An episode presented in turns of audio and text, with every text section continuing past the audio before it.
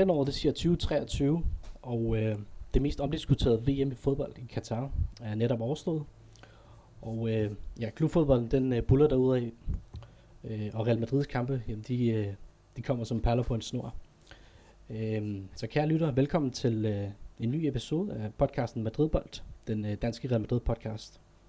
Og øh, til at hjælpe mig med at snakke øh, både VM i Katar, men så sandelig også Real Madrid, der har jeg øh, journalist og fodboldkommentator Martin Gottschalk med. Velkommen til. Tusind tak, og øh, mange tak for invitationen. Jamen, øh, du er altid velkommen. Øh, jeg tænker, vi skal have varmet øh, stemmebåndene lidt op, så øhm, jeg tænker, at de fleste nok kender dit erhverv, og øh, jeg hører dig, når du kommenterer diverse italienske og spanske kampe. Men øh, kan du ikke prøve at fortælle os lidt om dig selv, sådan udover dit erhverv selvfølgelig? Jo, det kan jeg sagtens. Jeg er 32 år, bor i Odense nu, og øh, har egentlig hele mit liv på et eller andet måde beskæftiget mig med fodbold. Selvfølgelig som, øh, som fodboldspiller selv, da jeg var barn og ung og op igennem mit, mit voksne liv og heldigvis også. Øhm, så jeg har altid elsket fodbold og spillet i alle mulige øh, forskellige klubber, er det blevet til efterhånden. Øh, er fra Fyn, så øh, jeg har spillet øh, en rundt omkring en del fynske klubber i Tommerup, og som ungdomsspiller var jeg også lidt omkring øh, OB Odense Boldklub. Spillede der i en enkelt sæson, blev det til. Øh, og så øh, har jeg ellers været i Aarhus, boet der i øh, et par år øh, i forbindelse med mit øh, journaliststudie. Så det har været øh, nogle rigtig gode år, jeg har haft der, og så har jeg været på udveksling også øh, i øh, Barcelona, hvor jeg har boet i et halvt år, og havde en fantastisk mulighed for også at udover at studere dernede, men også lære landet at kende, kulturen, og sådan få et indblik i, hvordan det egentlig er at, at have sin hverdag i, i udlandet og i, i en storby i, i Europa. Så det har været en, øh, en fantastisk oplevelse, og noget af det, jeg ofte sådan kigger tilbage på og tænker, at det, det er jeg virkelig glad for, at jeg, jeg kom afsted, og, og jeg kunne sagtens finde på også at, at tage afsted også en gang i fremtiden. Ja. Øh, lad mig prøve at høre, hvordan du, øh, ja, udover uddannelsesmæssigt, men øh, ender hos TV2. Hvordan hænger det sammen? Jamen, øh, jeg tog en øh, journalistuddannelse på øh, Danmarks Medie- og Journalisterskole i, i Aarhus, og øh, der har man det, det privilegie, at man får lov til at komme i øh, praktik. Øh, man kan ansøge i alle mulige forskellige steder, og jeg øh, ansøgte så hos øh, flere forskellige sportsmedier, og blandt andet TV2. Og der øh, var jeg så heldig, at øh, de gerne ville øh, have mig ind som øh, praktikant dengang tilbage i, hvad har vi været der, 2013. Øh, så øh, der kom jeg ind i halvandet år og fik lov til at prøve kræfter med at være sportsjournalist. Og det var i, i begyndelsen en masse ting, man ligesom øh, bliver kastet ind over, fordi man skal uddannes og, og læres op i alle mulige forskellige ting inden for sportsjournalist-genren. Så jeg øh, har været øh, reporter på alle mulige forskellige ting, alle mulige forskellige sportsgrene, øh, lavet nyheder og lavet alle mulige ting inden for, øh, for både tv og det digitale medie på vores hjemmeside sporttv2.dk og prøvet kræfter med magasinprogrammer og alt muligt. Så det var sådan min praktiktid, hvor jeg ligesom fik en, en bred vifte af erfaring og lærte alt muligt om, øh, om det at skulle være sportsjournalist. Og så efter det forløb, så øh, var jeg sådan lidt on-off tilknyttet på, øh, på TV2 Sport som, som freelance journalist, og er så med årene også blevet øh, fastansat, og som mange jo nok har fået øjnene op for, så har TV2 jo også ligesom øh, ekspanderet og fået øh, en masse spændende rettigheder ind på, øh, på alle mulige øh, fronter, også i alle mulige forskellige sportsgrene, men også særligt på fodbold, så i takt med det, så har jeg også fået en masse øh, at lave med alt det fodbold, vi har indkøbt med CA eller Liga, som øh, du nævnte i introen, men også med vores øh, europæiske klubturneringer, hvor vi har Europa League, vi har Conference League, vi har øh, landsholdsfodbold med Nations League og diverse slutrunder, og der kommer en, en EM-kvalifikation, der begynder her til foråret, så der er masser at tage fat på heldigvis for det, så det, det er bare en fornøjelse. Ja, og som øh, Real Madrid-fan og øh, også ser spansk fodbold, så er vi jo glade for, at TV2 også har rettighederne i hvert fald. Øhm, det glæder mig.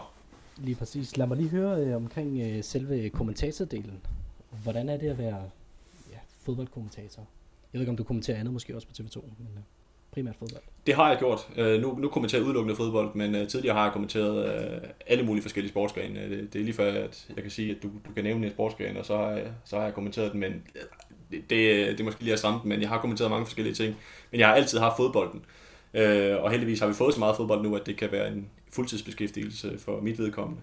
Men hvordan det er, det er jo, ja, altså det er jo lidt en kliché, men der er jo mange, der, der også siger det til mig, når jeg, når jeg siger, hvad jeg laver, at det, når det må da være et drømmejob, og, og det er det også. Altså, fordi at hvis man er passioneret for fodbold, så er det jo bare fantastisk, at man kan få lov til at, at beskæftige sig med det på et øh, fagligt, professionelt plan, hvor man kan se så meget fodbold, kommentere så meget fodbold, og øh, sidde og, noget af det, som jeg elsker allermest, sidde og nørde med øh, alle mulige forskellige øh, tal, statistikker, øh, teknisk, taktiske ting, hvor man skal forberede sig til en kamp, hvordan, man, øh, hvordan et eller andet hold skal løse en højre bakproblematik, eller øh, hvad der har været det seneste nye i medierne op til et eller andet øh, begivenhed. Så jeg synes, det er enormt fedt at få lov til at, sådan at, at beskæftige sig med det på, på den nørdede plan, og, og så synes jeg, det er en fantastisk udfordring også at skulle være med til at formidle det. For en ting er jo at, at vide det hele og sætte sig ind i det og blive klog på det, noget andet er også at skulle sætte de rigtige ord på det og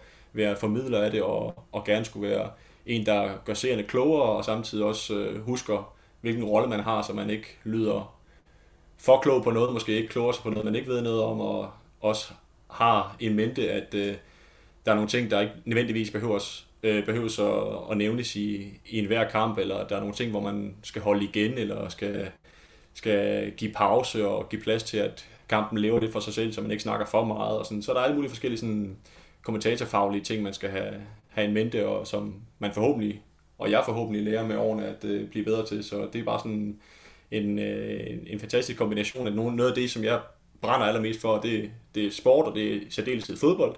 Og så er det min sådan interesse for sprog, som jeg altid har haft øh, i løbet af min, ja, min opvækst, min skolegang, og jeg synes, det er interessant at beskæftige sig med, med det danske sprog og få lov til at, at udfordre det også øh, i, i mit erhverv, i, i, i, i mit job. Ja, jeg sidder der i hvert fald meget og misunder dit arbejde i hvert fald. Så meget kan jeg i hvert fald sige. det forstår jeg. Lige præcis.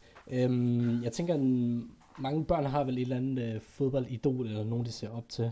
Øhm, har du sådan en kommentator, eller et eller andet, øh, som du ser op til? Altså en eller anden fodboldkommentator, eller et eller andet? Ja, det har jeg. Øh, jeg bliver inspireret af mange. Det kan, ja, øh, hvis jeg skal sætte navn på, så øh, det første, der kommer til mig, det er Flemming Toft. Øhm, og det er jo nogle år siden, han nu øh, gik på, øh, hvad skal vi sige, live-kommentator pension. Han er jo stadigvæk en del af vores øh, dækning i forskellige sammenhænge.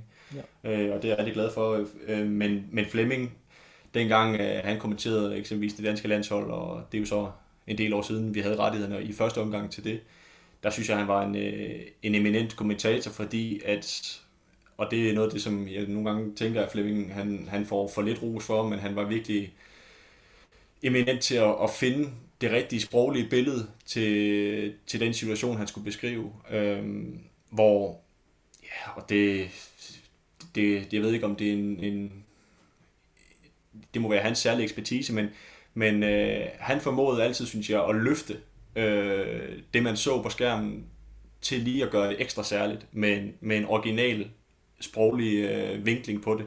Og det var bare, øh, det synes jeg var inspirerende at se, at, at man som kommentator faktisk, for der skal man altid sørge for ligesom at sætte de rigtige ord på, hvad sker der, og, og have styr på, hvad det er for en historie i kampen. Og der, der var han, synes jeg altid, han, han kommenterede med et overskud, og med øh, den der lune, som, som Flemming Toft altid har gjort. Så hvis man husker ham og hans kommentering, så synes jeg, at han var god til at ramme det, og god til at, at gøre kampen til en, ja, faktisk bedre, end den nærmest var nogle gange. Og det synes jeg virkelig er, er prisværdigt, at man som kommentator har den evne. Så, øh, så det er noget af det, jeg sådan har lagt mærke til. Øh, og det, man bliver jo meget inspireret, når man er yngre, ikke? Altså, at tænke over, hvad, hvad er det for nogle kommentatorer, der sætter, sætter ord på de kampe, man har haft. Så han har da helt klart været en stor inspiration for, for mig, og så, så synes jeg, der har været mange, jeg synes heldigvis, vi i Danmark er begunstiget mange dygtige kommentatorer. Der har været mange andre, som jeg også har, ligesom øh, prøvet at suge til mig af, øh, og heldigvis har der også været nogle stykker, som jeg også har arbejdet på, øh, på TV2. Altså, øh, man lytter jo til dem, der kommenterer alle de store kampe, øh, så, så jeg har også lyttet meget til, hvordan øh, Carsten Mave, han har kommenteret Champions League-kampe. Jeg har lyttet meget til, øh, hvordan der er blevet kommenteret nogle øh, forskellige Superliga-kampe. Sark Eholm, øh, der har kommenteret øh, store europæiske kampe og, og så videre. Så, så der er mange, jeg, jeg kan suge til mig fra, og det synes jeg bare er, er fedt, at der alle mulige forskellige kvaliteter hos mange forskellige kommentatorer, hvor man bare må sige, jeg skal ikke prøve at ligne nogen andre, men jeg skal prøve at, at tage det og, og tage det til mig. Det, det er de gode til at se, om jeg kan, jeg kan ramme nogenlunde øh, et niveau, der, der minder om.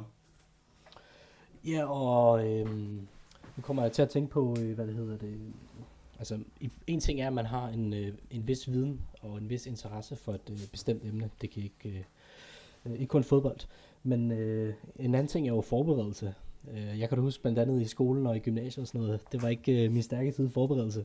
Men øh, altså, som fodboldkommentator, hvor meget forberedelse er der der?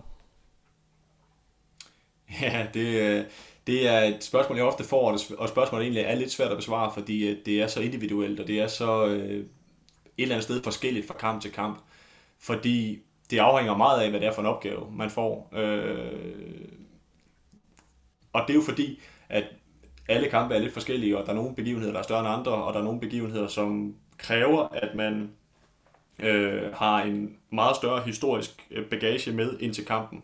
Så hvis jeg eksempelvis kommenterer Mallorca mod øh, Celta Vigo, som jeg skal i, i morgen aften, så er der en væsentlig mindre historik i den kamp, end hvis jeg kommenterer øh, FC Barcelona mod Real Madrid, fordi der er en, en lang El Clasico-historie, som man også gerne skulle have styr på. Eller hvis jeg kommenterer en VM-kamp, hvor øh, der er x antal slutrunder, som øh, Brasilien har været med i, hvor de har deltaget i samtlige VM. Så, så på den måde er der nogle, øh, en forberedelsesopgave, som, som kan være forskellige fra gang til gang, og det afhænger også af, hvor godt kender man de forskellige hold. Øh, fordi at der er jo nogle gange, hvor man øh, får et hold, hvor man skal forberede næsten fra bunden, øh, fordi at øh, det kan godt være, at man kender 3, 4, 5, seks af, af stjernespillerne, men når du så når ned til, hvad, hvad, hvem, hvem starter ude, hvem, øh, hvem kommer måske ind fra bænken, så skal man jo øh, have styr på det. For det er jo en kommentatorsopgave at have styr på ikke bare de 11 starter eller de, de første 15, men altså også potentielt set debutanten på 17 år, som lige er blevet hævet ind i truppen. Øh, så der er jo mange ting, man lige pludselig skal øh, være opmærksom på, at man, øh, man kan lige pludselig skal, skal sidde ved en live-kommentering, og der kan du ikke sidde og forberede dig, mens kampen er i gang, fordi det har du simpelthen ikke tid til. Der, der, der skal du styr på det inden.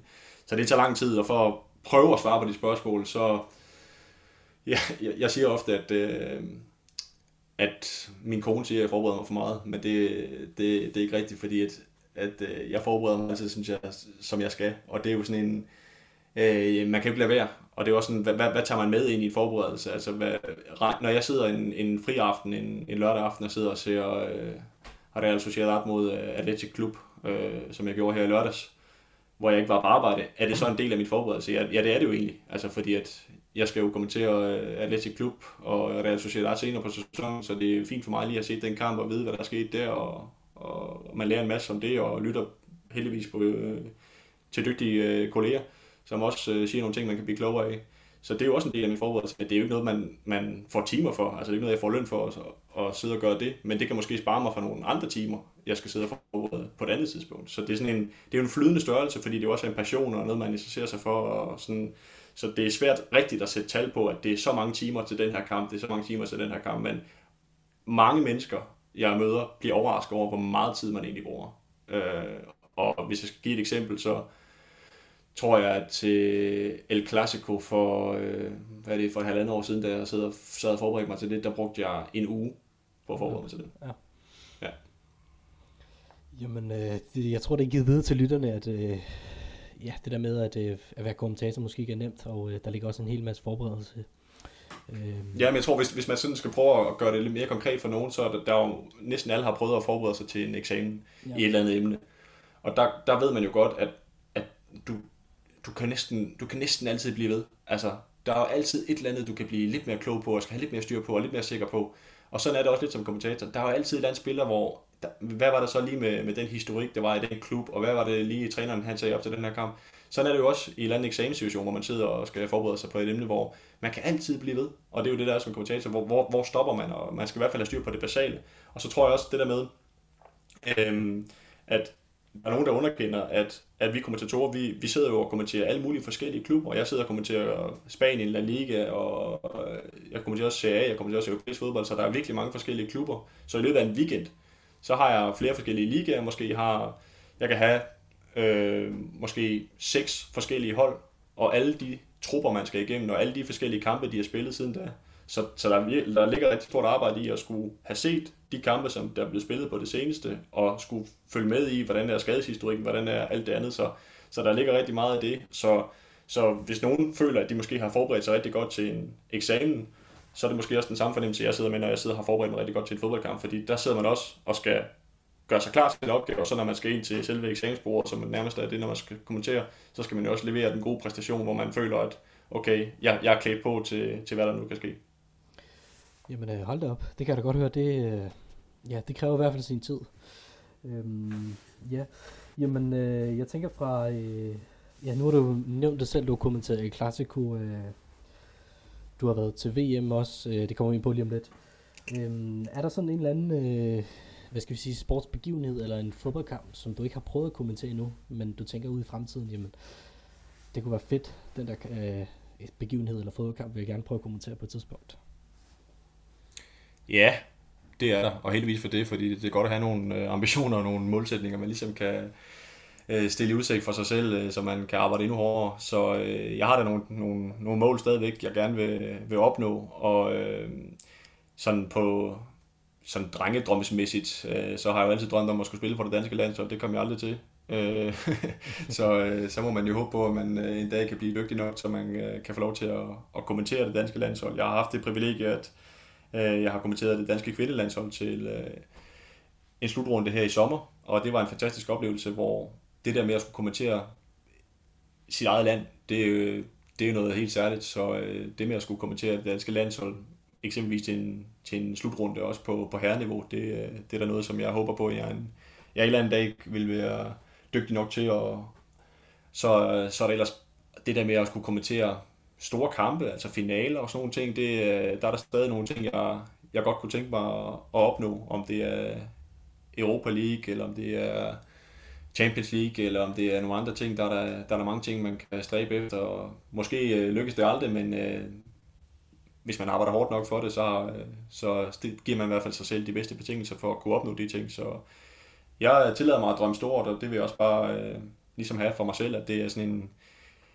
øh, en proces, hvor man øh, skal håbe på det bedste i det, og så, øh, så er der nogle andre, der træffer de beslutninger, om, øh, om man nu skal det. Men jeg har det sådan, øh, en ting jeg i hvert fald sådan er blevet bedre til, synes jeg med årene, det er også at håbe, eller huske og nyde processen i det hele, at man ikke altid skal stræbe efter at, at nå det næste, fordi det, der er mange ting, jeg rigtig gerne vil opnå, men jeg vil også rigtig gerne nyde det, jeg laver lige nu, og det gør jeg heldigvis helt vildt, fordi at, øh, det er, som jeg også har været inde på, det er jo, det er jo en drengedrøm at sidde og, og lave de ting, og det skal man huske på, øh, for nogle gange kan man det er i hvert fald som, som yngre kommentator, har været sådan lidt stresset nogle gange over, at jeg skal også nå at, at forberede det og huske det og huske det, og, så man næsten kunne glemme, hvor fedt det egentlig var, når man sad der, fordi at man havde så mange ting i sit hoved, man skulle formidle og forberede sig på, og øh, være korrekt og det ene og det andet, så det skal man stadigvæk, men jeg er blevet bedre til det så også at, at finde ro i, at, at det jeg laver, det, det håber jeg også er godt nok for dem, der, der lytter til det, og selvfølgelig laver man fejl, men så må man bestræbe sig på at lave så få fejl som muligt, og så må man bare give den gas og, øh,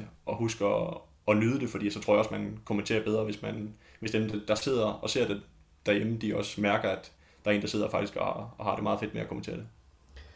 Ja, lad mig lige høre ganske kort. Øh, nu siger du øh, det danske fodboldlandshold, altså på herresiden selvfølgelig ikke også, som du ikke jo. har prøvet at kommentere, men øh, hvordan foregår det sådan? Er det, altså, er det bestemt, at nu hører jeg altid øh, Morten Brun og øh, Thomas Christensen kommenterer landsholdet. Øh, er det bestemt, at det er dem, eller hvordan?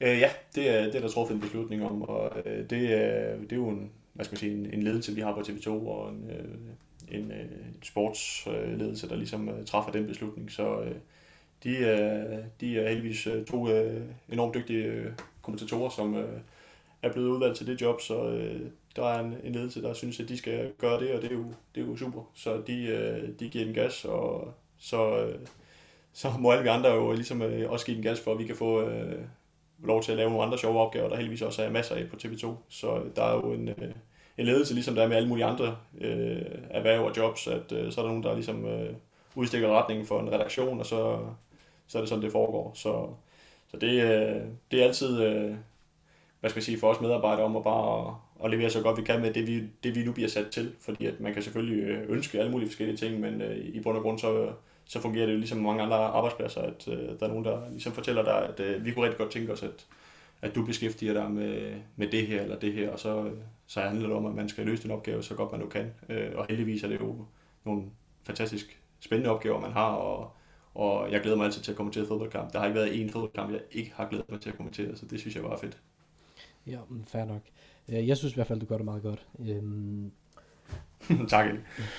Lad os lige, øh, jeg nævnte det lige før, nemlig VM i Katar. Lad os prøve at tage det ja. som, øh, som emne. Øhm, bare sådan, ikke som journalist eller som fodboldkommentator, men som privatperson. Øh, hvilken oplevelse var der at være til sådan en VM-slutrunde? Det har jeg jo blandt andet ikke prøvet før, nemlig. Eller det er der mange, der ikke har. Nej, ja, det, det er der, og det skal man da prøve, hvis man, øh, hvis man ikke har det. Så der er der heldigvis øh, en masse slutrunder at se frem til, øh, som, hvor du kan prøve det. Jeg vil sige, øh, det, er jo en, det er jo en stor oplevelse. Det er en kæmpe oplevelse at komme til et VM, og det er det jo fordi, at et verdensmesterskab, det er den største begivenhed, der findes. Øh, sådan, i hvert fald for mig personligt. Der er måske nogen, der vil sige øh, et Super Bowl, og der er nogle andre, der måske har en, har en anden, øh, som de synes er større, men for mig er, at verdensmesterskab i fodbold det største. Og det er det jo på grund af den historik, der er, fordi at verdensbedste fodboldspillere bliver samlet et sted. Øh, eller det bliver så flere steder, når der er VM i USA, Mexico og Canada, men det er, hvad det er.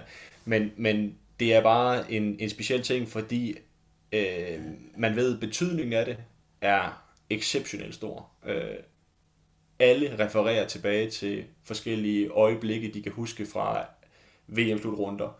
Alle øh, spillere bliver et eller andet sted mål på, hvad de også har præsteret ved de store slutrunder for deres eget landshold. Det kan man jo aller tydeligst øh, se, hvordan det har været med Lionel Messi, at han aldrig vandt det trofæ med Argentina, indtil det så lykkes nu her i, i Doha.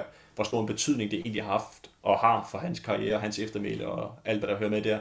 Så når man er til stede til sådan en begivenhed, hvor man ved, der er så meget på spil, lagt sammen med den der um, kulturelle sådan smeltedeal, der er, hvor vi har sindssygt mange lande, nationer samlet i det her tilfælde i Doha, da, da vi var afsted i november og december, i samme sted, i samme by.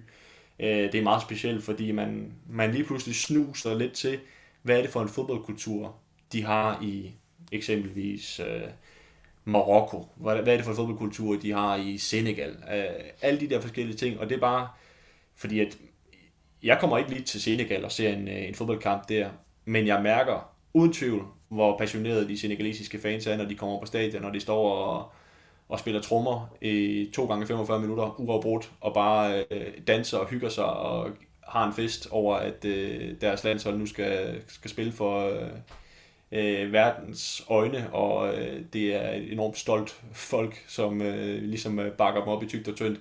Det, det er bare noget helt særligt at mærke det, og, og det er jo historisk, fordi at de ved jo godt, at hvis Senegal eksempelvis ville nå langt til en slutrunde, så, så er det noget, som ingen, ingen nogensinde ville glemme. Og det samme var tilfældet med Marokko. Mm. Altså, det de præsterede der, det var jo uden sidestykke det største, de har leveret. Så, så når man kommer tæt på noget, hvor man ligesom allerede, når man er til stede, kan fornemme, at der er noget historie i det her. Der er noget, som, hvor, man, hvor, hvor hårene nærmest rejser over, man ved, det her, det er det største øjeblik i det her lands historie, så, så, øh, så ved man godt, at, at det er helt særligt. Og som, som fodboldelsker, og også hvis man går op i historikken og alt, hvad der hører med der, så bliver man jo helt øh, altså betaget af det, suget ind i det. Og det er jo det, som er, som er allerfede, synes jeg, ved sport, at man, man kan jo glemme tid og sted, når man ser en eller anden sportskamp, som optager en fuldt ud, så, så, så, så er det kun det, man interesserer sig for, om når man sådan kan blive følelsesmæssigt investeret også i det, der foregår så bliver jeg helt draget, og det er det, jeg synes, der er det absolut fedeste ved,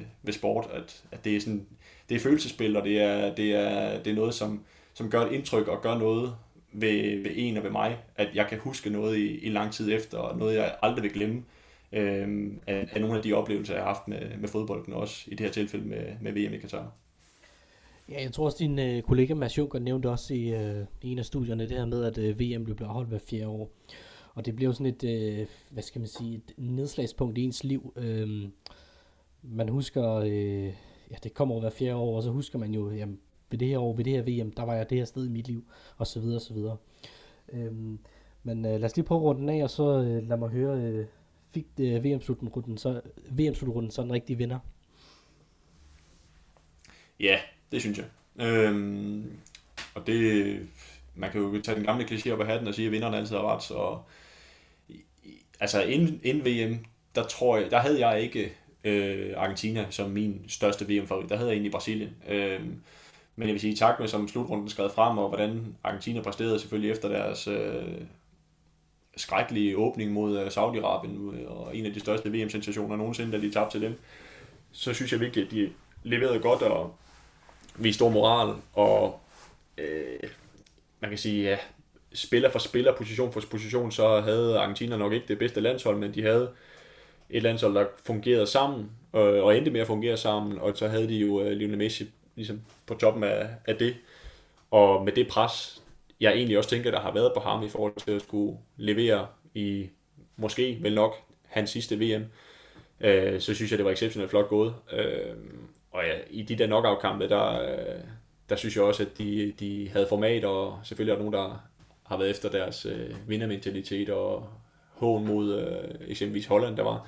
Men jeg synes virkelig, de, de spillede en god slutrunde, og, og finalen var også et meget godt billede på det, at de, øh, de, øh, de holdt ud til det sidste. Øh, og, og formåede også med nogle, nogle spillere, som måske ikke har været helt på top. Angel Di Maria har ikke spillet helt, været helt på top i Juventus, øh, efter han havde skiftet der til i sommer, men alligevel så brænder han en, en slutrunde af, hvor han har en afgørende øh, fod og, og hjerne med i, i deres øh, VM-triumf, og spiller en god finale. Ikke? Altså, så de, der har været mange sådan fremtrædende spillere hos, øh, hos Argentina, som jeg synes øh, fortjener alt mulig respekt, og jeg synes, at det var den, den rigtige vinder, selvom jeg egentlig havde spået Brasilien til mere, men hvis man tager Brasiliens og deres slutrunde, så, så så det jo meget godt ud. De spillede godt gruppespil, de avancerede egentlig også øh, sådan, hvor de kunne spare spillere i deres sidste gruppekamp, og og så går det så bare galt, når de spiller lidt for naivt øh, mod Kroatien, og, og man tror, de er videre efter den forlængede spilletid, hvor de er foran. Ikke? Og, så, og det er jo det, man bliver straffet for. Og sådan er for sport og fodbold sådan heldigvis også, at så troede man, at, at det, det skulle de nok klare, ikke? og så et naivt hold, og så straffesparkkonkurrence, der kan alt næsten ske. Så, øh, så jeg havde været spændt på, hvis Brasilien havde mødt Argentina. For så kan man sige, så tror jeg, at Brasilien har haft overhånden, men det er jo nemt at sidde og sige nu. Men øh, sådan, jeg synes egentlig, at Brasilien havde det bedste landshold, men øh, det er ikke altid det bedste landshold, der vinder, der vinder VM. Ja, jeg havde jo egentlig håbet på, at Frankrig havde taget den i finalen, men øh, ja, det skæbne ville noget andet, så... ja, men, øh, Mbappé var tæt på at gøre det. Det må man sige. Øh, jeg ved ikke, om han manglede Karim Benzema, eller ja, hvad, hvad de manglede Frankrig, men øh, de vandt i hvert fald ikke, så meget kan vi sige. Nej. Jamen, øh, lad os prøve at hoppe videre til øh, ja, det er egentlig podcasten øh, sådan drejer sig allermest om, nemlig øh, Real Madrid. Øh, lad mig, jeg plejer altid at spørge dem, jeg øh, har med i podcasten, så det gør jeg også med dig. Øh, din, øh, din yndlingsspiller, altså Real Madrid-spiller igennem historien. Det er jeg spændt på at høre, hvem det er. Ja, jeg synes, det var et godt spørgsmål øh, at stille. Jeg, øh, det er lige før, jeg har lyst til at sige Thomas Graversen. men men, men det, det gør jeg trods alt ikke. Men jeg vil bare sige, jeg vil alligevel, jeg vil alligevel nævne ham på et eller andet plan, fordi jeg synes, det var så vildt, da han skiftede til Real Madrid og blev en del af, af Galacticos, og, og at han lige pludselig skulle spille der på hold med alle de store verdensstjerner og skulle begå sig der, det synes jeg var helt sindssygt. Så, så øh, hatten af for ham. Men hvis jeg skal vælge som min favoritspiller, så ender jeg på en øh, lille brasiliansk vensterbak, øh, Roberto Carlos. Og det, det hænger egentlig sammen med, at jeg, min, min, min største fodboldbegejstring er kommet igennem det brasilianske landshold, som jeg blev øh, fuldstændig forelsket i, blandt andet øh, ved VM i 98, hvor jeg kan huske, at jeg sad og så, jeg tror, jeg sad og så alle Brasiliens kampe, selvfølgelig deres øh, kvartfinale sejr over, over Danmark desværre, men også i finalen, hvor de taber til Frankrig, hvor jeg sad med tårer trillende ned ad kinderne, fordi at jeg holdt så meget med Brasilien, og synes, at de spillede det, det ægte fodbold, øh, Choco Bonito, og begejstrede hele verden. Og jeg kunne ikke, dengang kunne jeg i hvert fald ikke klare Frankrig, fordi jeg synes, det var sådan lidt karikeret, sådan det, det arrogante Frankrig, der slog øh, det boldelskende Brasilien.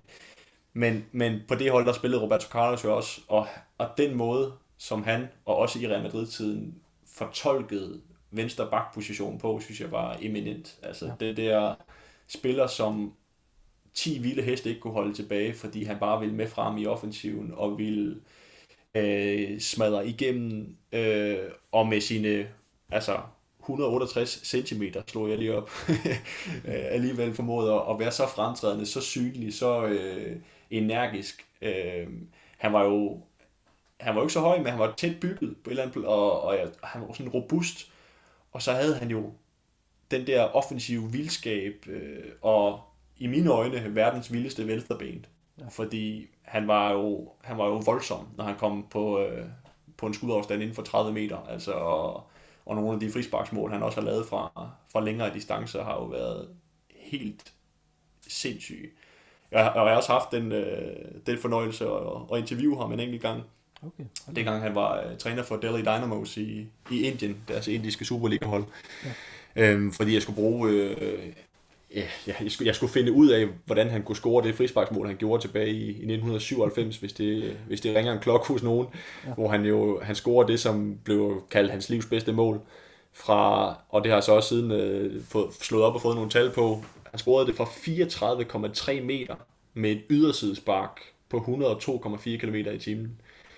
Øh, og det, og det var jo et helt vanvittigt mål, og sådan et mål, der egentlig også understreger meget godt, at Roberto Carlos kunne noget af det, som, som nærmest var, var umuligt. Og jeg spurgte ham så også der, altså, hvordan kunne det lade, lade sig gøre, at du, at du laver det mål der? Og så siger han, det var, det var et lyn fra en klar himmel. Så det var sådan hans, hans forklaring til mig, at, at det var ligesom også noget nærmest overnaturligt, der skete. Og, og han har jo bare lavet, altså det der, det er et af, et af de vilde højdepunkter, jeg kan også, øh, jeg har siden set, jeg kan, jeg kan ikke huske, at jeg har set det live, men jeg har set det i sådan en højdepunkts øh, kavalkade af ham, hvor han scorer jo nærmest fra 0 grader øh, på, på mållinjen. Øh, jeg ved ikke, om det var en kamp mod Mallorca eller hvad det var, men ja. hvor, hvor han jo også drejer den ind på en, i en helt afsindig vinkel. Øh, Øh, så han, han gjorde nogle ting, som jeg synes var, var så fantastisk fedt at se på, og, og når, når, man, når man ligesom skal tænde fjernsynet for at se en fodboldspiller, så glæder jeg mig altid til at se, hvordan Roberto Carlos han vil spille på venstre bak, og det er sådan lidt atypisk måske at vælge en, en forsvarsspiller, når man skal tage sin favoritspiller, for der har været mange, mange store spillere igennem Madrid-tiden, øh, og man kunne også tage mange andre end dem, øh, end ham jeg nævner nu, men, men han har ligesom vagt et, et eller andet i mig, og det er også i kraft af, at, at Brasilien jo var et landshold, som jo netop også var et hold, man yndede at tænde for det i slut 90'erne og start 0'erne, fordi de, de spillede det her samba-bold. Ja, og øh, desværre så vil jeg jo ønske til at kunne sige, at øh, jeg har oplevet Roberto Carlos på samme måde, som du har, men øh, jeg var bare ikke helt gammel nok til at, sådan, at have den der... Jeg forstår fodbolden, men øh, så har jeg jo været heldig, at øh, hans aftager Marcelo har i hvert fald... Øh, ja, hvis ikke øh, han har gjort det på samme måde, men han er i hvert fald øh, efterlevet nogle af de ting, som Roberto Carlos kunne. Måske ikke lige det frispark, men øh, ja, mange af de andre ting i hvert fald. Ja. Øh, ja, fed spiller, og fedt valg også, at øh, ja, du tog en, som udover Grausen måske ikke andre havde taget. Øhm, ja. Nej. Jamen, øh, ja, jeg ved ikke, om du var lidt inde på det lige før også med, øh, med frisparket, men øh, sådan et moment eller et øjeblik, som du sådan, hvis jeg siger Real Madrid, så popper det op i hovedet på dig med det samme. Øh, jeg ved ikke, om du har sådan et øjeblik. Ja, der, der, ja, der, der, Ja, der er jo igen mange at tage af, øh, fordi der er jo en enorm global, stor lang historie for Real Madrid, og det er jo også noget af det, der er fantastisk ved at dykke ned i historien. Og sådan. Men hvis jeg skal tage et personligt minde, øh, så tror jeg, at jeg vil nævne det første klassiko, jeg var til på stadion, øh, tilbage i, det har været december 2019, hvor det var øh, et affinopgør, der blev spillet på Camp Nou i Barcelona. Og det er måske lidt atypisk, men, men det, jeg synes alligevel, det var noget, som, som virkelig gjorde for mig, hvad det er, Real Madrid er øh, i forholdet til Barcelona. Fordi jeg har, jeg har egentlig øh, også i min gymnasietid øh, skrevet opgaver om øh, nationalisme og fodboldkultur i, i Spanien, så beskæftigede mig lidt med den spanske historie, og, og der fik jeg for første gang sådan lov til at dykke ned i, hvad det er for en for et øh, enormt øh, ja, historisk og i historikken dengang hadfyldt opgør, det har været mellem de to øh, mandskaber.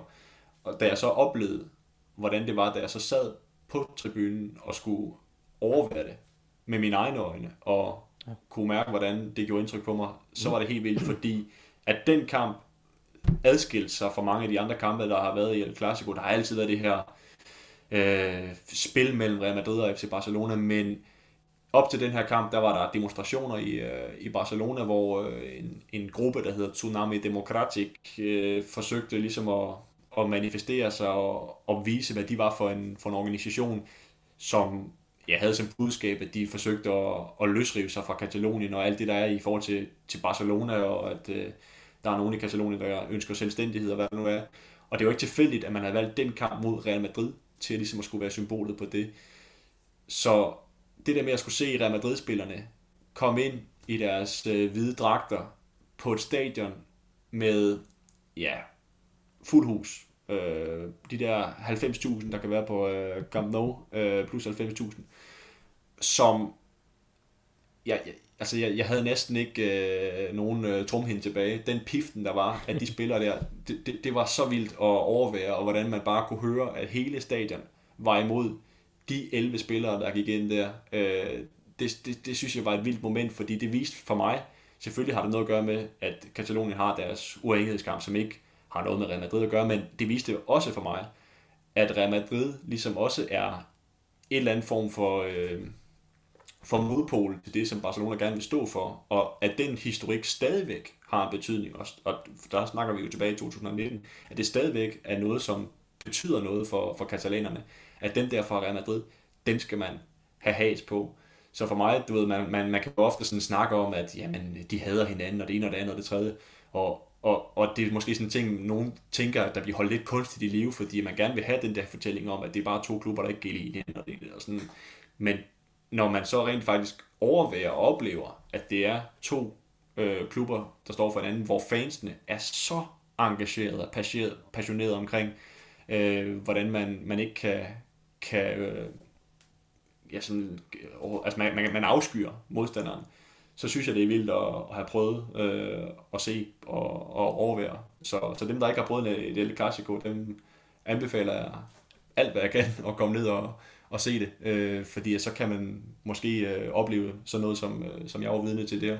Kampen i sig selv var, var desværre ikke noget sådan mindeværdigt. Det var den første 0-0-kamp i 17 år, så, øh, så, øh, så målet blev jeg ikke øh, begunstiget med det her, men jeg fik til gengæld for fuld pedal af, hvad der kunne være af, af sådan øh, vild passion og, og en, og en historik, som, som man godt kan læse om, men som man skal opleve for rigtig at forstå. Ja, jeg har selv øh, haft fornøjelsen af at være nede og se det klassiko tilbage i sæson 16-17 under Zidane, hvor de ender med at vinde både øh, ligaen og øh, Champions League. Øh, og det var så det var godt nok ikke på Camp Nou, som du var på, men øh, det var så på Santiago Bernabeu. Øh, jeg kan ikke genkende til det, du siger, det her med, at øh, den her stemning, og det her med, at øh, ja, der var der så godt nok Barcelona i det her tilfælde, men øh, da de 11 Barcelona-spillere løber til opvarmning, der er øh, enorm pibekoncert, og især da nummer 10 for Barcelona dengang, øh, Messi's navn blev råbt op, der, øh, ja, som du selv siger, det, det er noget, man skal opleve for ligesom at kunne forstå det.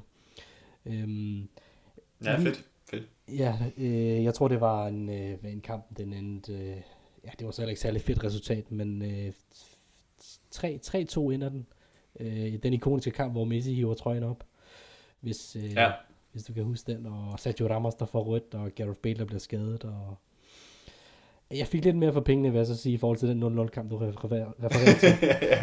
ja, det gjorde du, det gjorde du godt nok. Men øh, det er sjovt, du nævner den kamp, fordi jeg har faktisk spørgsmål til den kamp. Øh, jeg kan huske, jeg sad og så den sammen med nogle venner. Øhm, og det er noget med, jeg kan ikke huske, hvem du kommenterede den sammen med, men... Jeg Kasper mener, Ja, ja, lige præcis. Øh, det er noget med, at I sidder og råber meget højt på et tidspunkt under kommenteringen. kan du ikke prøve at forklare, hvad er årsagen til det her? Jo, jo, og øh, den dag i dag, når jeg, når jeg snakker med Kasper, som er heldigvis øh, en god kollega, så, øh, så kan jeg godt finde på lige at, at stikke lidt til ham en gang imellem. Og det, det, øh, det handler egentlig om, at, at der var et teknisk problem på stadion. Øh, man skal være bevidst om, at når man kommenterer det Clasico, så gør man det med jeg kan ikke engang det rigtige tal, men, men rigtig mange andre internationale medier. Det er jo hele verden, der tager med, og alle mulige tv-stationer, der, der transmitterer, og øh, der er jo et, ja, jeg vil nærmest kalde det et stort på styr, inden man skal kommentere sin kamp, hvor man jo øh, skal have styr på teknik og det ene og det andet og det tredje. Og i vores tilfælde der, der er opstået et eller andet problem, som jeg ikke kan svare dig på, fordi jeg ikke er nok teknisk ind i det, men et eller andet problem i forhold til, at den lyd, som vi har på stadion, ikke matcher den lyd, som øh, nok kommer ud i stuerne derhjemme.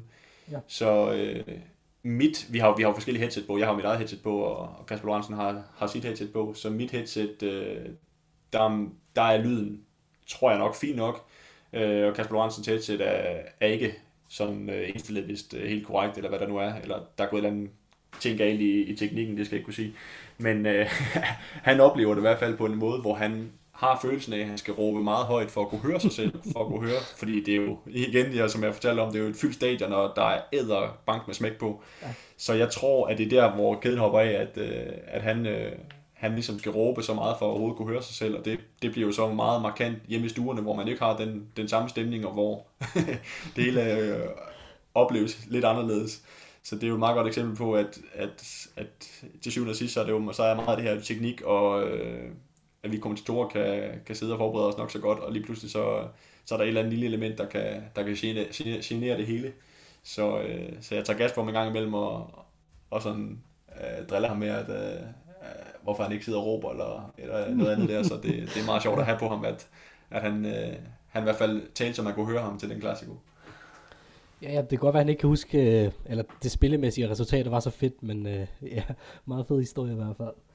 Øhm, lad mig lige prøve at blive ved det med teknik, fordi jeg godt tænke mig at høre, øhm, ikke fordi jeg skal sidde og hænge TV2 ud eller noget som helst, men øhm, der er nogle gange noget med signalet, der driller, øh, især til de spanske kampe. Øh, jeg har da oplevet mm. nogle øh, Real Madrid-kampe, hvor øh, jeg oplever sort skærm og så videre. Hvad skyldes det? Jeg ved ikke, om du kan forklare det.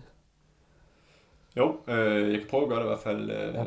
fordi det er rigtigt, og det har, øh, det har jeg også prøvet flere gange, som, øh, som du også har erfaret, øh, desværre. Jeg har også siddet og, og som vi i tv-sprog kalder det, at padle, altså hvor man, øh, hvor man bare må sidde og holde, holde gryden i kog, fordi at, øh, der ikke er noget billede, og man må, må sidde og snakke. Jeg tror, jeg har på tidspunkt siddet og snakket med Andreas Laudrup i et kvarter, hvor vi ikke havde signal til kampen, øh, hvor vi bare måtte sidde og ligesom holde den kørende, så det er jo, det er i hvert fald også en udfordring, og noget man ligesom, øh, man tænker, uha, kom nu tilbage med det billede. Men øh, årsagen, den og det er sådan en, det, det er nemt at sidde og sige fra, fra vores side af, men, men lige, lige, altså det med en klassiko, det kunne sagtens have været vores, vores øh, fejl, det skal jeg ikke kunne sige, men, men det med det sorte signal, det er ikke noget, som vi på TV2 har noget med at gøre, fordi det er det signal, som bliver sendt til, som jeg forstår det, fra det spanske øh, tv-ting, som transmitterer kampen for os, og så hen til et eller andet sted i Europa, jeg ikke lige helt præcis ved, hvor, hvor ligger, og så derfra hen til os. Øh, der er sådan et sted, der samler det, alle de der tv-kampe. Og det er så et eller andet sted i den kæde der, der er noget, der hopper af. Og nogle gange så har det noget at gøre med, at der er uvejr i Spanien, som der nogle gange er, særligt op i det nordvestlige Spanien. Øhm, andre gange, øh, hvad ved jeg, så kan det nok være en eller anden løs forbindelse og alle mulige tekniske ting, der jo kan opstå. Så det er i, i den forbindelse, at det nogle gange går galt. Så når, når det sker, øh, at vi har sortskærm, og det skal jeg garantere dig for, at det er noget, som, øh, som alle hader inde på TV2. Øh, så sidder de jo og, og ringer rundt til, til de forskellige steder, der nu er, øh, som distribuerer det til os. Så vi sidder der og kan jo ikke rigtig gøre noget for at fikse det. Vi kan bare håbe på, at dem, der leverer det til os, fikser det. Så vi sidder også lidt, mm, ja, øh, vi arbejder på at få det tilbage, men, men det er reelt set ikke os øh, på TV2, der arbejder for at få det tilbage. Det er jo dem, som leverer det til os, dem jeg betaler penge for at levere det til os, som, øh, som øh, ikke leverer deres produkt godt nok, eller, eller er uheldige med et lyn, eller noget regnvejr, eller hvad ved jeg, som, som kan være årsagen til det. Det er i hvert fald sådan, jeg har forstået, at, at det er, fordi at jeg har nogle gange også gået ud efter sådan en kommentar og sagt, hvad, var det også her, eller hvad, kan vi gøre noget? Og så siger de, nej, hvad, vi, vi kunne ikke gøre noget, men vi, øh, vi tog kontakt til dem, som ligesom skulle, skulle øh, sørge for det. Så øh, desværre sker det, og jeg synes også, det er sket lidt for meget øh, til min smag i løbet af den tid, vi har haft Liga. Men, men jeg, jeg kan ikke rigtig sige, at det er noget, som, som TV2 øh, kommer til at skulle kunne gøre bedre, fordi det er, det er lidt ud af vores hænder, som jeg har forstået det. Ja, mm, fair nok. Øh, det var også bare lige for at høre. Øhm, det er helt fint. Øhm, vi har snakket meget med Classico her i, øh, i indledningen, så øh, lad os prøve at snakke om det seneste Classico, der har været. Ikke fordi, at det for mig personligt er noget mindeværdigt overhovedet.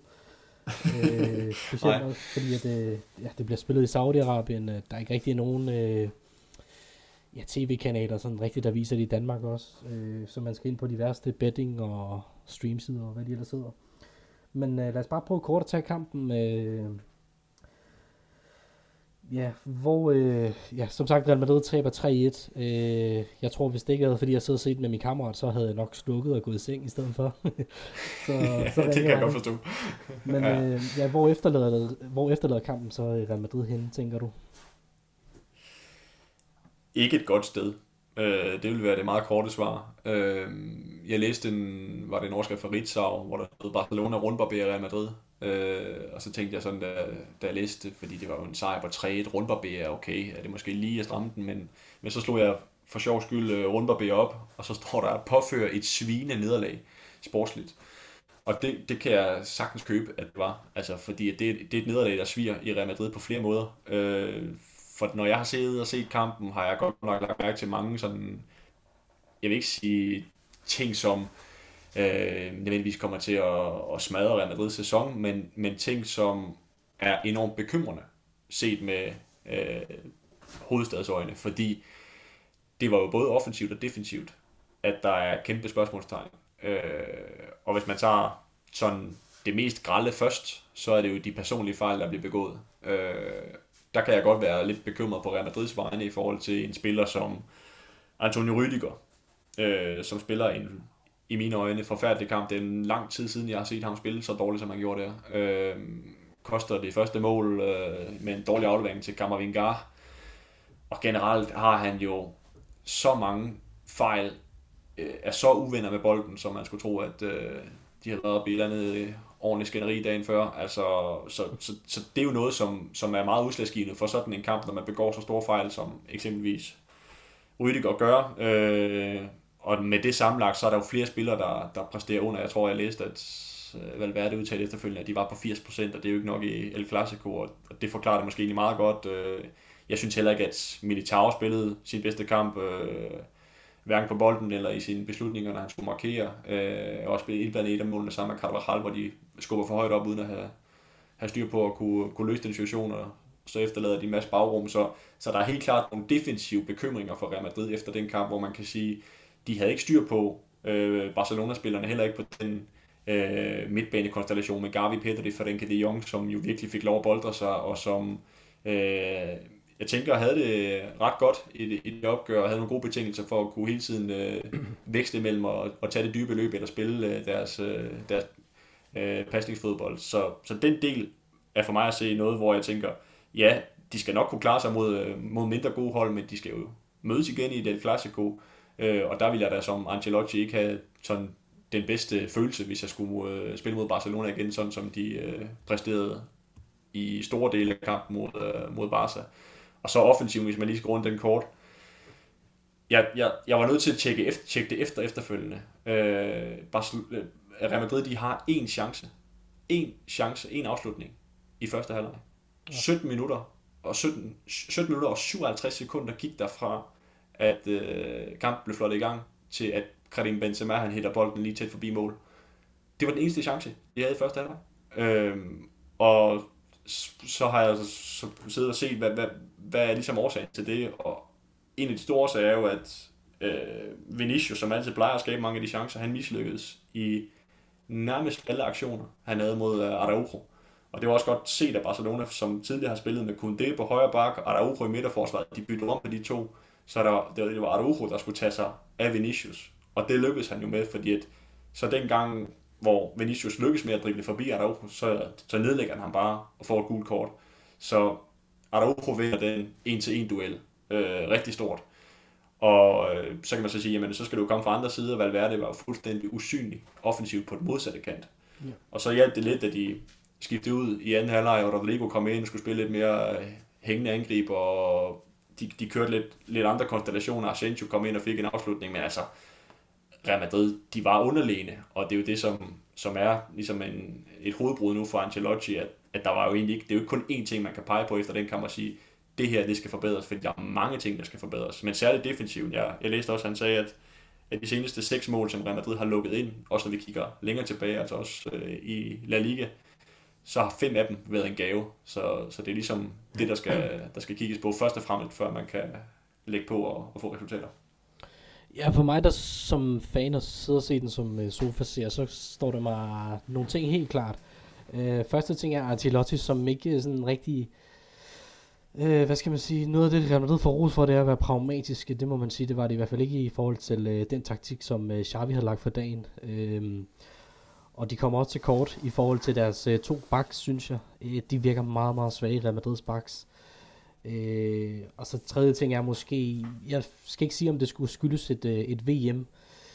Den undskyldning burde man efterhånden ikke bruge mere, men øh, det kan også være, at et VM har været langt for nogle af spillerne. Øh, men jeg synes mere, det var Carlo Ancelotti's taktik, som ikke var pragmatisk nok. Øh, fordi altså, øh, altså, du kan næsten regne ud, hvem han stiller op med, øh, de, altså startelveren. Øh, og det der, du nævner med, at øh, Vinicius taber duellerne over for Araujo altså man kunne godt være lidt pragmatisk og rykke dem over på den anden side, øh, i forhold til at Balde spiller derovre, og ikke øh, er lige så tonebegivende i sit defensive spil som i sit offensiv. Øh, og så ved jeg ikke, om de lider af, at øh, Alaba ikke øh, er med i midterforsvaret, i forhold til, at både Rydiger og Militao øh, virker som sådan nogle mere aggressive typer, hvor Alaba er mere bedre til at, at være i midterforsvaret, og ligesom holde den der balance. Øh, og så ved jeg ikke, om Kammervinke, han... Øh, ja, han er, ikke, han er ikke lige så god som Tchouamani i hvert fald. Øh, han skaber lidt mere balance til Tchouamani. Øh, så det synes jeg i hvert fald var nogle af de punkter, som, øh, som Real Madrid manglede i hvert fald i den kamp. Øh, ja, så hvis du ikke skulle lave podcast, Ali, så kan du altid blive assistent for Ancelotti. Det, det tror jeg Sønning er klar fint. Så. ja, det er rigtigt. øh, jamen, der er ikke så meget mere at sige til den kamp. Øh, ja, de må bare op på hesten igen, Real Madrid. Øh, sådan er det. Øh, og så bliver der også spillet Saudi-Arabien, så det, jeg ved ikke, hvor meget man skal ligge i det der, den der Supercup-finale. Øhm, må det ikke, at de bare skulle have tabt den semifinal, og så ja, fløjet hjem til Spanien igen. Der er rigelige kampe at, at spille for. Så. Jamen, øh, lad os bare hoppe videre til det næste emne. Det er noget øh, transfersnak, som jeg også plejer at gøre med alle dem, jeg har med i podcasten. Og øh, jeg har givet dig lektier for, så, øh, så det første spørgsmål, det er, hvis, øh, det er i forhold til øh, den Villarreal-kamp, der blev spillet, som Real Madrid også taber. Øh, jeg synes, de er lidt mere uheldige i den kamp. Øh, 2-1 taber de. Øh, men øh, den sjove statistik i den kamp, det var jo, at der ikke var nogen spanier i deres, øh, deres startopstilling. Hvad skal, vi, øh, hvad skal vi sige til det? Hvad er det et tegn for? Øhm, altså i forhold til Real Madrid? Det, ja, øh, det er jo meget beværkelsesmærdigt, når man tænker på, at at Real Madrid har en lang øh, global historie, at det ikke er sket før, og det er jo også, som jeg tolker det, et udtryk for, øh, at de bærende spanske spillere, de er forsvundet på Real Madrids hold. Og det har man jo altid på en eller anden måde været forvent med, at i Real Madrid har der jo været nogle, nogle store spillere igennem tiden, hvis vi tager den nyere historie, selvfølgelig med, med Iker Casillas, øh, Sergio Ramos, øh, som nogle af de fremtrædende på det hold. Ikke? Øh, og når, når nogle af de sådan store søjler forlader øh, og ikke bliver erstattet af andre øh, store spanske spillere, som jeg vil kalde dem, mm. så er det der, at der ligesom bliver åbnet op for, at sådan noget som, som det kan ske. Øh, at det ikke er sket før, kan godt overraske mig lidt, men at øh, det sker nu, er, er der bemærkelsesværdigt. Så, så når man kigger på eksempelvis øh, Real Madrids idealopstilling, hvor mange spanier vil der egentlig være i den? Og det prøvede jeg sådan at sidde og lege lidt med tanken om, og der er det jo egentlig kun Dani Carvajal, som vel er en del af Once de Gala. Øh, så kan man sige, Marco Asensio måske en, en første indskifter, hvis det skulle være, men ellers så er de øvrige i Spanien jo i Real Madrids trup, øh, Ceballos, Nachos, Odriozola, Vallejo, og det er jo ikke faste starter øh, langt fra. Okay. Så, så når, når du kun har, i mine øjne, en fast øh, spansk starter, og han så øh, måske ikke er med, så er, det, så, så er det jo lige for, at øh, sådan noget som det her kan ske. Så det er jo de bærende spillere, med spansk pas, som er øh, forsvundet fra Real Madrids identitet, og et udtryk for, at øh, det ikke har ligget Real Madrid på sinde at have eksempelvis de bedste spanske spillere på deres hold, øh, og i hvert fald ikke har erstattet dem med, med noget af det, det kunne være, og der, og der har jo været muligheder for det, der har jo også været rygter tidligere om at skulle hente øh, eksempelvis Pau Torres øh, i til midterforsvaret fra Villarreal, ikke, øh, som også er spansk landsholdsspiller, og, og andre, ikke? Men, men de har jo bare ikke øh, ageret på det, og der, der tænker Real Madrid jo mere øh, i forhold til, til den sportslige værdi, end, end den kulturelle i den her sammenhæng. Og Ikke fordi, at jeg fortænker dem i det, men øh, der er der nok nogen, øh, hvis man spørger dem i hovedstaden, der godt kunne have tænkt sig, at der var flere øh, fremtrædende spillere, som også øh, repræsenterede det spanske landshold, som spiller for Real Madrid. Og det kan de selvfølgelig nå i fremtiden. Det er jo ikke fordi, at man bliver målt på, hvor mange man har i startopstillingen, men jeg tror da alligevel, at det ligger nogen på scenen, at man har det. Så, øh, så jeg glæder mig da til at se, hvordan det også ser ud om, om nogle år, når eksempelvis øh, Carvajal er fortid. Jamen, hvad skal man sige? Øh, Real Madrid henter mange af de her franske talenter i både Camavinga, Germany og mange af de her brasilianere også, øh, som øh, Florentino Pérez forelsker sig i øh, meget øh, tidligt. Man har også lige hentet ham her, Endrik, fra, fra Brasilien. Han kommer så først i sommeren 24, mener jeg det er. Men er det, er det Real Madrids transferpolitik, der gør, at de her spanske talenter ikke øh, slår igennem? Man ser også mange af de her spillere på, øh, på deres øh, Castilla B-hold. Øhm, ikke sådan rigtig få chancen. Det er ligesom for eksempel i forhold til Barcelona. Øhm, eller hvad, hvad tænker du? Ja, det er jo både og. Altså, det er jo klart, hvis man henter nogle øh, unge talenter med udenlandspas, øh, så er det jo også med den tanke, at de skal ind og have noget spilletid på første hold, og den spilletid bliver så taget fra en spansk spiller. Øh, og det er jo fordi, at Real Madrid ikke har forsøgt at øh, bringe nogle spanier ind på deres, øh, på deres hold. Øhm, men jeg vil sige det sådan, øh, det er ikke fordi, de har fået særlig lang snor, dem man så har forsøgt sig med. Øhm, og så har Real Madrid så heller ikke prioriteret at hente nogle, øh, nogle spanske landsholdsspillere eksempelvis til deres øh, mandskab, som øh, vi kan se Barcelona gjorde, da de tog øh, Ferran Torres ind øh, på holdet. Så, så det er jo de to ting, der hænger sammen. Øh, og så er det jo også en ja, form for ny virkelighed, hvor øh, der er jo flere klubber, der henter spillere for langt større transfersummer, end Real Madrid gør. Øh, vi kan jo bare kigge på Premier League med alle de voldsomme summer, der er, og at de kan formå øh, at tiltrække så mange dygtige spillere, øh, og at ja, Newcastle, de hentede Kieran Trippier fra, fra Atletico, ikke fra mesterholdet, så, så er det jo også, de, de har bare et, et økonomisk niveau, som der er meget få, der kan matche. Altså, øh, det siger jo sig selv, når Manchester City jo hente Holland, og når vi også kigger andre steder hen og ser Paris Saint-Germain, som jo nærmest gør, hvad der passer dem, når de skal, skal hente spillere, og der er selvfølgelig også nogle andre finansielle regler i, i Frankrig, end der er i Spanien, som også hører med til det. Øh, men når man gør, som Real Madrid gør, øh, så gør det jo også, at, at strategien for at hente spillere er mere usikker. Når du henter unge spillere, så kan du ikke forvente, at de har det der kontinuerlige, stabile, høje niveau med gode præstationer. Øh, og det er jo det, som, som man ligesom også skal være bevidst om som klub, at øh, det kræver tilvænding, det kræver tålmodighed. Det kunne man jo blandt andet se med Vinicius, at det tog noget tid før han øh, rigtig blev en verdensklassespiller. Og det er jo bare naturligt, men det er jo også noget, at, at klubben ligesom skal vente på, øh, kommer til at ske. Øh, til gengæld har man en masse potentiale, og man har jo aldrig en garanti for, at hvis man smider den store lønpose på bordet og betaler enormt mange transfersummer, at det så også bliver en succes. Det, det tror jeg da, at Eden Hazard er det bedste eksempel på i, i lang tid. Ja, og nu nævnte du før, at øh, jeg kunne være Ancelottis assistent, så lad os øh, lege med den tanke, at øh, du er Florentino Perez, og øh, du har tre spillere i den øh, nuværende trup, som du gerne vil skille dig af med. Så øh, ja, hvem kunne du tænke dig at komme af med så? Øhm, jeg tror, at jeg vælger øh, Eden, Eden Hazard. Mm-hmm. Øh, og hvis godt, jeg lige skal bruge ham kort, så er det... Jamen, hvis jeg skal være lidt dramatisk, og, øh, så, så vil jeg sige, er det ikke på tide at slukke for respiratoren? Altså, Real Madrid forsøger nærmest at holde ham kunstigt i live, fordi de bruger ham jo ikke.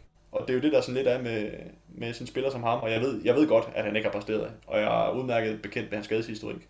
Ja. Men han er jo fastmand på bænken. Og jeg slog det lige op, da jeg, da jeg undersøgte Real Madrids trup for nylig. Han har jo ikke spillet i en Liga-kamp siden september. Og det er jo ikke fordi, at han ikke har været på bænken i den periode. Øh, og han har ikke spillet en eneste klassiko, siden han kom til klubben. Lige præcis, ja. Og selvfølgelig har han været, selvfølgelig har han været i nogle af de klassikos, der har været, men der er altså også flere, hvor han bare er blevet fravalgt. Så hvis du har en spiller, jeg tænker med, med hans status og lønpakke og hvad der ellers hører med, og du ikke anvender ham, så er det vel på tide, at du må bide det sure æble og sige, alle de øh, millioner, der blev hældt i, i retningen af Hazard og, og Chelsea, at det må man så bare sige, men det bliver ikke til et et match med Real Madrid, og så komme videre, og så få nogle andre spillere, man, man tror på, fordi at det bliver sådan lidt øh, tragikomisk trist øh, for både Real Madrid og for Hazard. Altså, det er jo, det er jo også helt vanvittigt, at en spiller som Hazard øh, har en, en birolle. Det er næsten lige for engang, vi kalder det en birolle, en, nærmest en, en, en intetsigende rolle i Real Madrid, og så kan være en fremtrædende spiller på et belgisk landshold, som selvfølgelig præsterede dårligt under VM, men alligevel øh, var en spiller, som, øh, som ligesom repræsenterede på det tidspunkt verdens næstbedste landshold på verdensranglisten. Øh, det, det synes jeg er, er helt sindssygt. Så, så ham vil jeg skille mig af med, og hvis jeg bare lige skal runde de andre kort. Øh, Dani Ceballos, jeg er ikke overbevist over, over ham i Real Madrid. Altså, han har også primært været en indskift og har ikke imponeret. Jeg ved godt, han lagde op til Real Madrids øh, reducering i søndags i El Clasico, men han kostede også målet til 0-3, og han er en spiller, som jeg tænker, der heller ikke er en stor tiltro til, fordi de har hentet yngre spillere ind, som du har været inde på, øh, Gamavinga, Chouamini, der, der er ligesom noget andet på vej, og Ceballos er for mig ikke den spiller, der skal satses på, hvis man tænker det fremtidige Real Madrid, så for ham, ja, man kunne selvfølgelig have ham som en eller anden form for, for reservespiller, men, men det er også bare, hvis man skal tænke den, den mere langsigtede strategi, så vil jeg hellere, hellere hente en yngre spiller ind, man kunne bygge på, frem for en nu 26-årig Ceballos, som jeg kan se og fornemme, at Ancelotti ikke har den store øh, fidus til. Øhm, og det sidste kan jeg lige rundt kort, øh, der kunne man vælge, vælge mange, altså jeg er også gået lidt ind i nogle af de der lidt mere sådan sekundære spillere, man kunne tage Mariano Diaz, man kunne tage Lucas Vazquez, som jeg synes egentlig også har været en, en, en fin spiller for Real Madrid i mange år, men ikke præsteret til top, men jeg har valgt øh, Jesus Vallejo, også fordi igen er en spiller, som, som er, som er fyldt, og, det, og de er jo fine at have en trup, også dem, der ikke skal ballade og så videre, men han er blevet indskiftet to gange i den her sæson. Øh, I gruppekamp mod Celtic, hvor det var afgjort, og mod Casareño i Copa del Rey. Altså, så hvis du ikke har en spiller, du heller vil bruge i, i nogle af de sådan mindre betydende kampe, øh, mere end det, altså, så, øh, så væk med ham. Altså, og så få noget, noget talent ind, som, som kan være noget på sigt. Så ud med det der øh, overflødige fyld, der har en alder, og så øh, ind med noget, der kan, der kan batte noget, og som har noget potentiale. Ja, den sidste du nævner har en kontakt til 2025, så vi må se, om han fylder den ud, eller om han smutter før. Det jeg tvivler. Men øh, ja, så lad os prøve at lege med det samme eksperiment. Øh, den her gang, så skal du bare hente øh, tre spillere til klubben, der sådan kunne passe ind i truppen, eller vil, hvad skal vi sige, harmonere godt, øh, give noget af det, der med mangler i deres ja. trup. Og der er det heldigt, at jeg har en masse penge og nogle gode kontakter. så, så jeg tager bare Holland, Mbappé og Messi. Nej. Øh, hvis jeg sådan Messi skal, hvis jeg sådan skal kigge Nej, nej vel, det tror jeg måske lige for meget på styr. Nej, hvis jeg øh, sådan skulle kigge på, hvad der passer til Real Madrid, så, øh, så synes jeg, et af de afgørende steder, som Real Madrid jo ofte forsømmer at kigge på, det er jo øh, på forsvarsdelen, og det ved jeg godt, jeg hentede både, øh, både Alaba og, og Rüdiger til, til det centrale forsvar. Det er egentlig heller ikke det, jeg kigger hen. Jeg, jeg kigger egentlig på højre bak, fordi det, jeg kan se, at Real Madrid vil kunne forstærke sig øh, sådan på verdensklasse-niveau. Og det er ikke for at tage noget fra, fra Carvajal, som i mange år har været en stabil, god bak. Jeg synes faktisk, han har præsteret meget godt i Real Madrid-tiden. Men, men når jeg også sådan skal kigge længere frem og kigge på en spiller, hvor jeg vil, hvis jeg skulle stille det bedste, det bedste mandskab, så, så vil Carvajal ikke være på, øh, på min højre bak på, øh, sådan på, på den verdenshold, eller hvad jeg vil sige. Der vil jeg gå med en spiller som øh, Ashraf Hakimi. Øh, og jeg ved godt, at han har haft en fortid i Real Madrid. Jeg synes, det var en fejl, han ligesom øh, forlod, eller det var en fejl at Real du ham slippe. Men for mig er det en af verdens bedste højrebacks. Øh, og han har også den fart, som jeg lidt kan efterlyse, Carvajal mangler. Og det er lidt hårdt at slå ned på Carvajal nu i en periode, hvor han jo heller ikke præsterer på sit bedste niveau. Men Hakimi har også en alder på 24, hvor jeg sagtens kan se ham være en top, top højre bak i mange, mange år frem. Og jeg kan virkelig godt se ham præstere godt på et Real Madrid-hold. Så han vil selvfølgelig være halvdyr at få til. Øh, men i mine øjne ikke helt umuligt, og Real Madrid skal jo også være en klub, der kan tiltrække nogle af de vanskeligste spillere, der er ude på markedet, og det er selvfølgelig ikke det nemmeste for Paris Saint-Germain, men øh, jeg har heldigvis en god kontakt, og så lykkes det ikke. Og så, øh, jeg hvis sige lige rundt de andre, så har jeg peget på øh, Victor Osimhen. Øh, for dem, der ikke ser CA, så øh, se det en gang imellem, se i hvert fald Napoli, fordi at, øh, det er topscoren i Serie A, 12 mål i 14 ligakampe er det blevet til indtil videre, og altså en af de helt afgørende årsager for, at Napoli er et suverænt tophold i den italienske liga. Han banker mål ind for, øh, for Napoli, det gør han også på det nigerianske landshold i øvrigt. Og så har han kontraktløb i sommeren 2025, så det er ikke fordi, at det er den der langtidskontrakt, man skal, man skal betale ham ud af. Det kommer selvfølgelig til at være dyrt, når det er, fordi at han er eftertragtet spiller. Øh, han blev handlet for lidt over en halv milliard, da Napoli hentede ham, så han kommer til at nok at koste i omegnen af det dobbelt eller, eller et godt stykke over.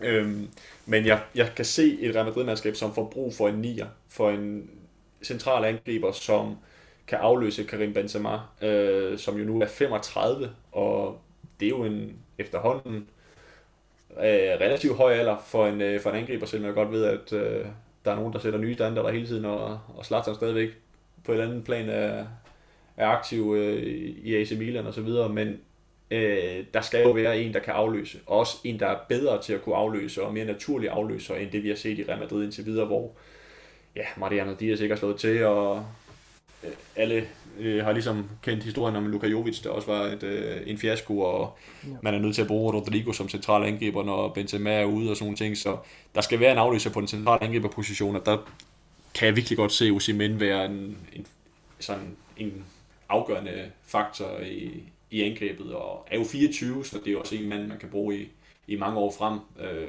fantastisk spiller, godt spark, øh, meget komplet, synes jeg, holder modstanderne super godt væk med sin super fysik, hurtighed, og så, øh, så synes jeg bare, at han er skarp, intelligent, han er ikke kun råstyrke, han er også finesse i sine afslutninger, så det er virkelig et spiller, man skal holde øje med, og jeg tror virkelig, at han bliver, bliver vild, også i de næste mange sæsoner. Og så er min kanin i hatten, hvis jeg tager det sidste spiller, øh, en dansker. Og det er jo altid godt lige at komme med lidt dansk kolorit.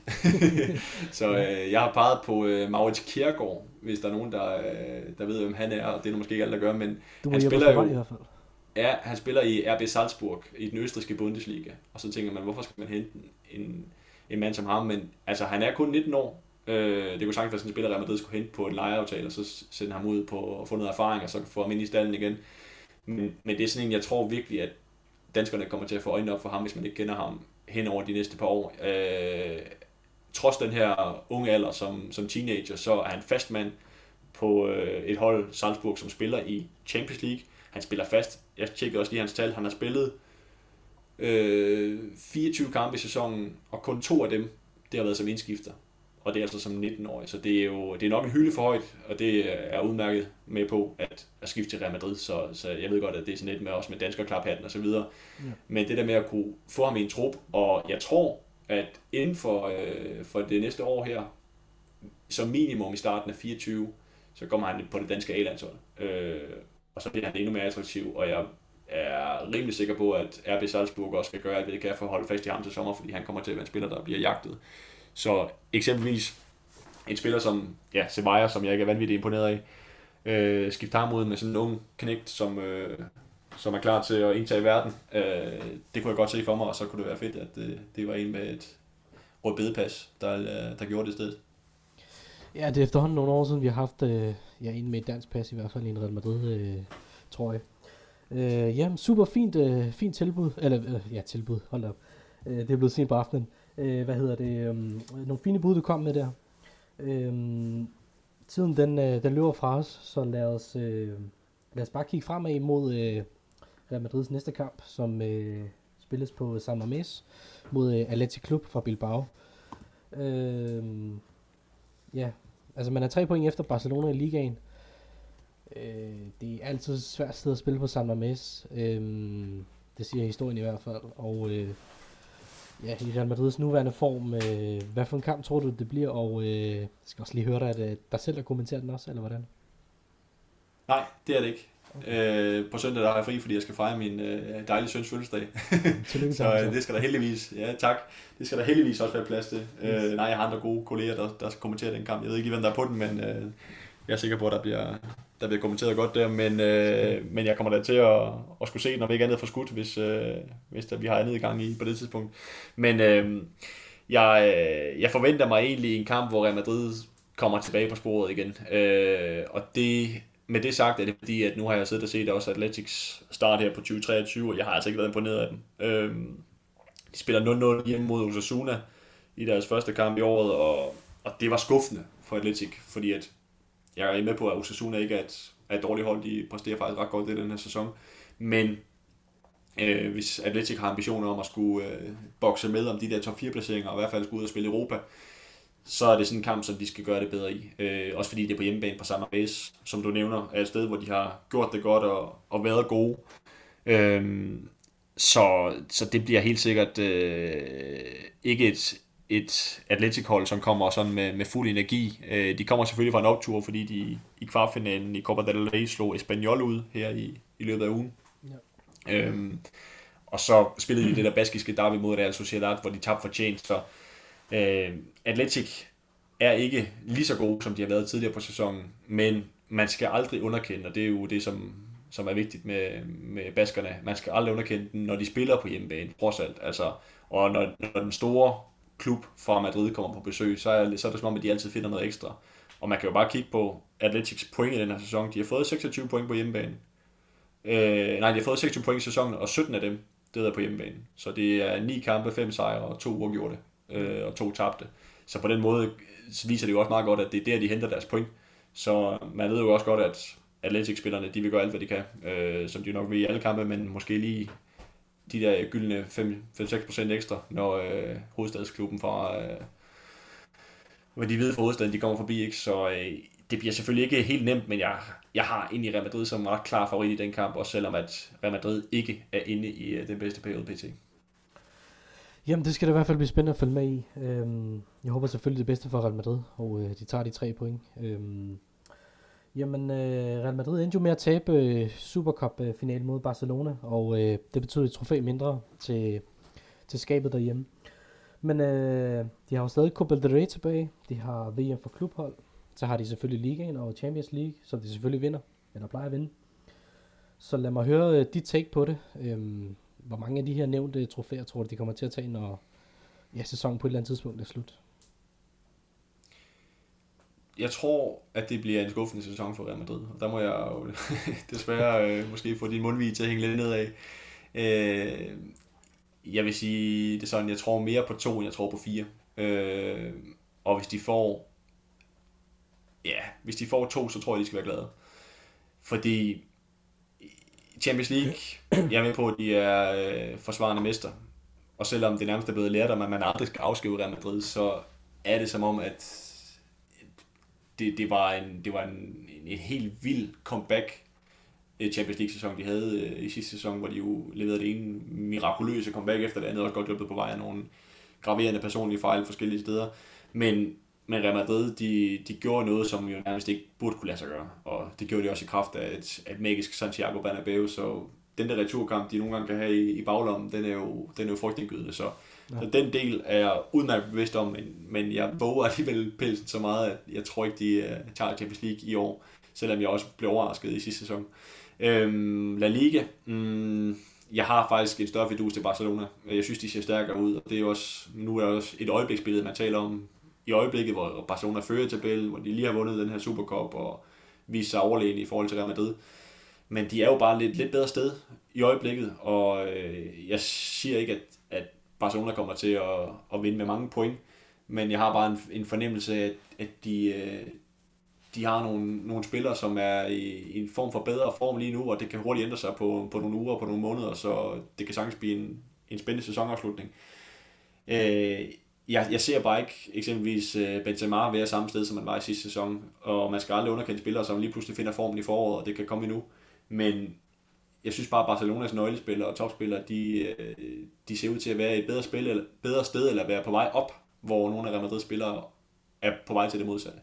Så det er sådan den korte forklaring i forhold til La Liga.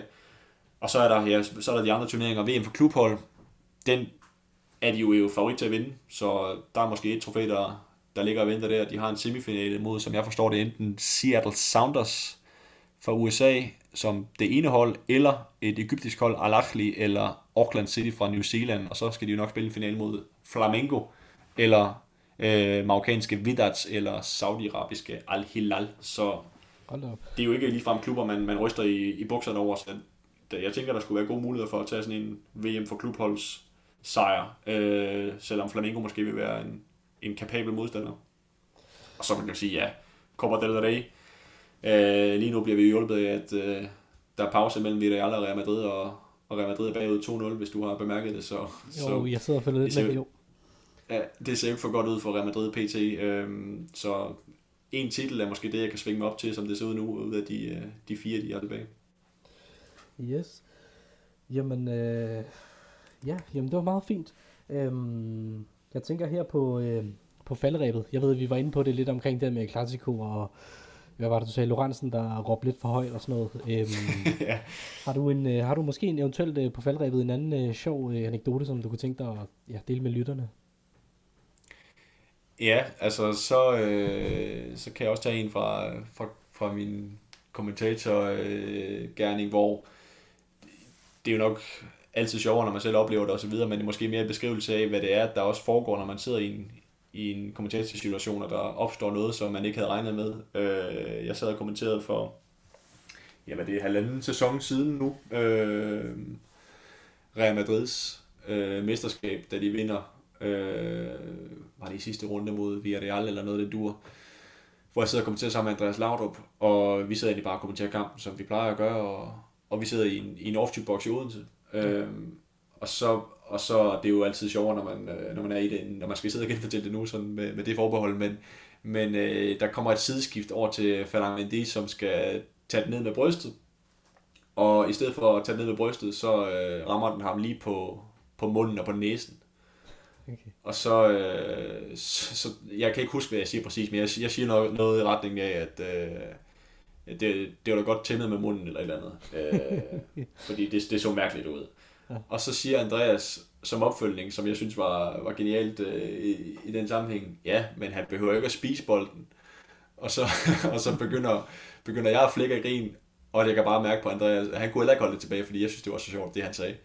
Og det er jo fordi, ja, det, det er jo måske, måske opfanget, ser det ikke på samme sjove måde, men nogle gange så kan man jo lige få gejlet hinanden op, og man sidder og kigger på hinanden, og man synes noget af, af grinerne, og, og det der med, når man så ikke heller må grine, man må selvfølgelig gerne grine under en kommentering, men man må da ikke grine for meget, Nej. så er det også det der med, at nu, det tror jeg også, du måske har prøvet, eller nogen har prøvet, at man så skal prøve at holde grin tilbage, øh, og det kan faktisk gøre det endnu sværere. Lige præcis. Så, så på det tidspunkt, hvor vi sidder, jeg tror, jeg tror det er den der mesterskabskamp, øh, hvor de kan blive spanske mester, der har vi, vi har sådan heldigvis en, en knap, vi kan trykke ned, hvor man ikke kan høre os. Så vi trykker sådan en mute-knap ned, øh, så ingen af os øh, kan snakke, fordi vi bare sidder og griner. Og jeg tror, vi sidder og griner i, nu kan jeg ikke huske det præcis, men sådan noget halvandet minut, to minutter, hvor, hvor, hvor der bare heldigvis ikke er nogen store chancer, men hvor vi simpelthen ikke kan få luft, fordi at... Øh, vi, vi knækker sammen der, så, så det, det er jo sådan noget, som, som seerne jo nok ikke er opmærksom på, men hvor Andreas og jeg i hvert fald lige skulle have lidt, øh, lidt ild,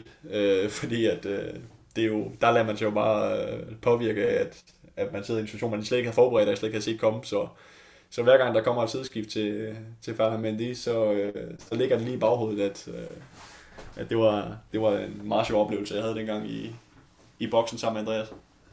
Ja, hold da op. Jeg, jeg tror ikke, man lægger mærke til det på, øh, på samme måde øh, som ser. Nej, det var nok også meget godt. Lige præcis. Yes. Jamen, øh, Martin, du skal have tusind tak, fordi du gad at være med. Øhm, Det var en fornøjelse. Stor Yes. fornøjelse af. ja, og øh, ja, til alle jer, der har lyttet med lige så længe, så øh, skal der lyde et Madrid.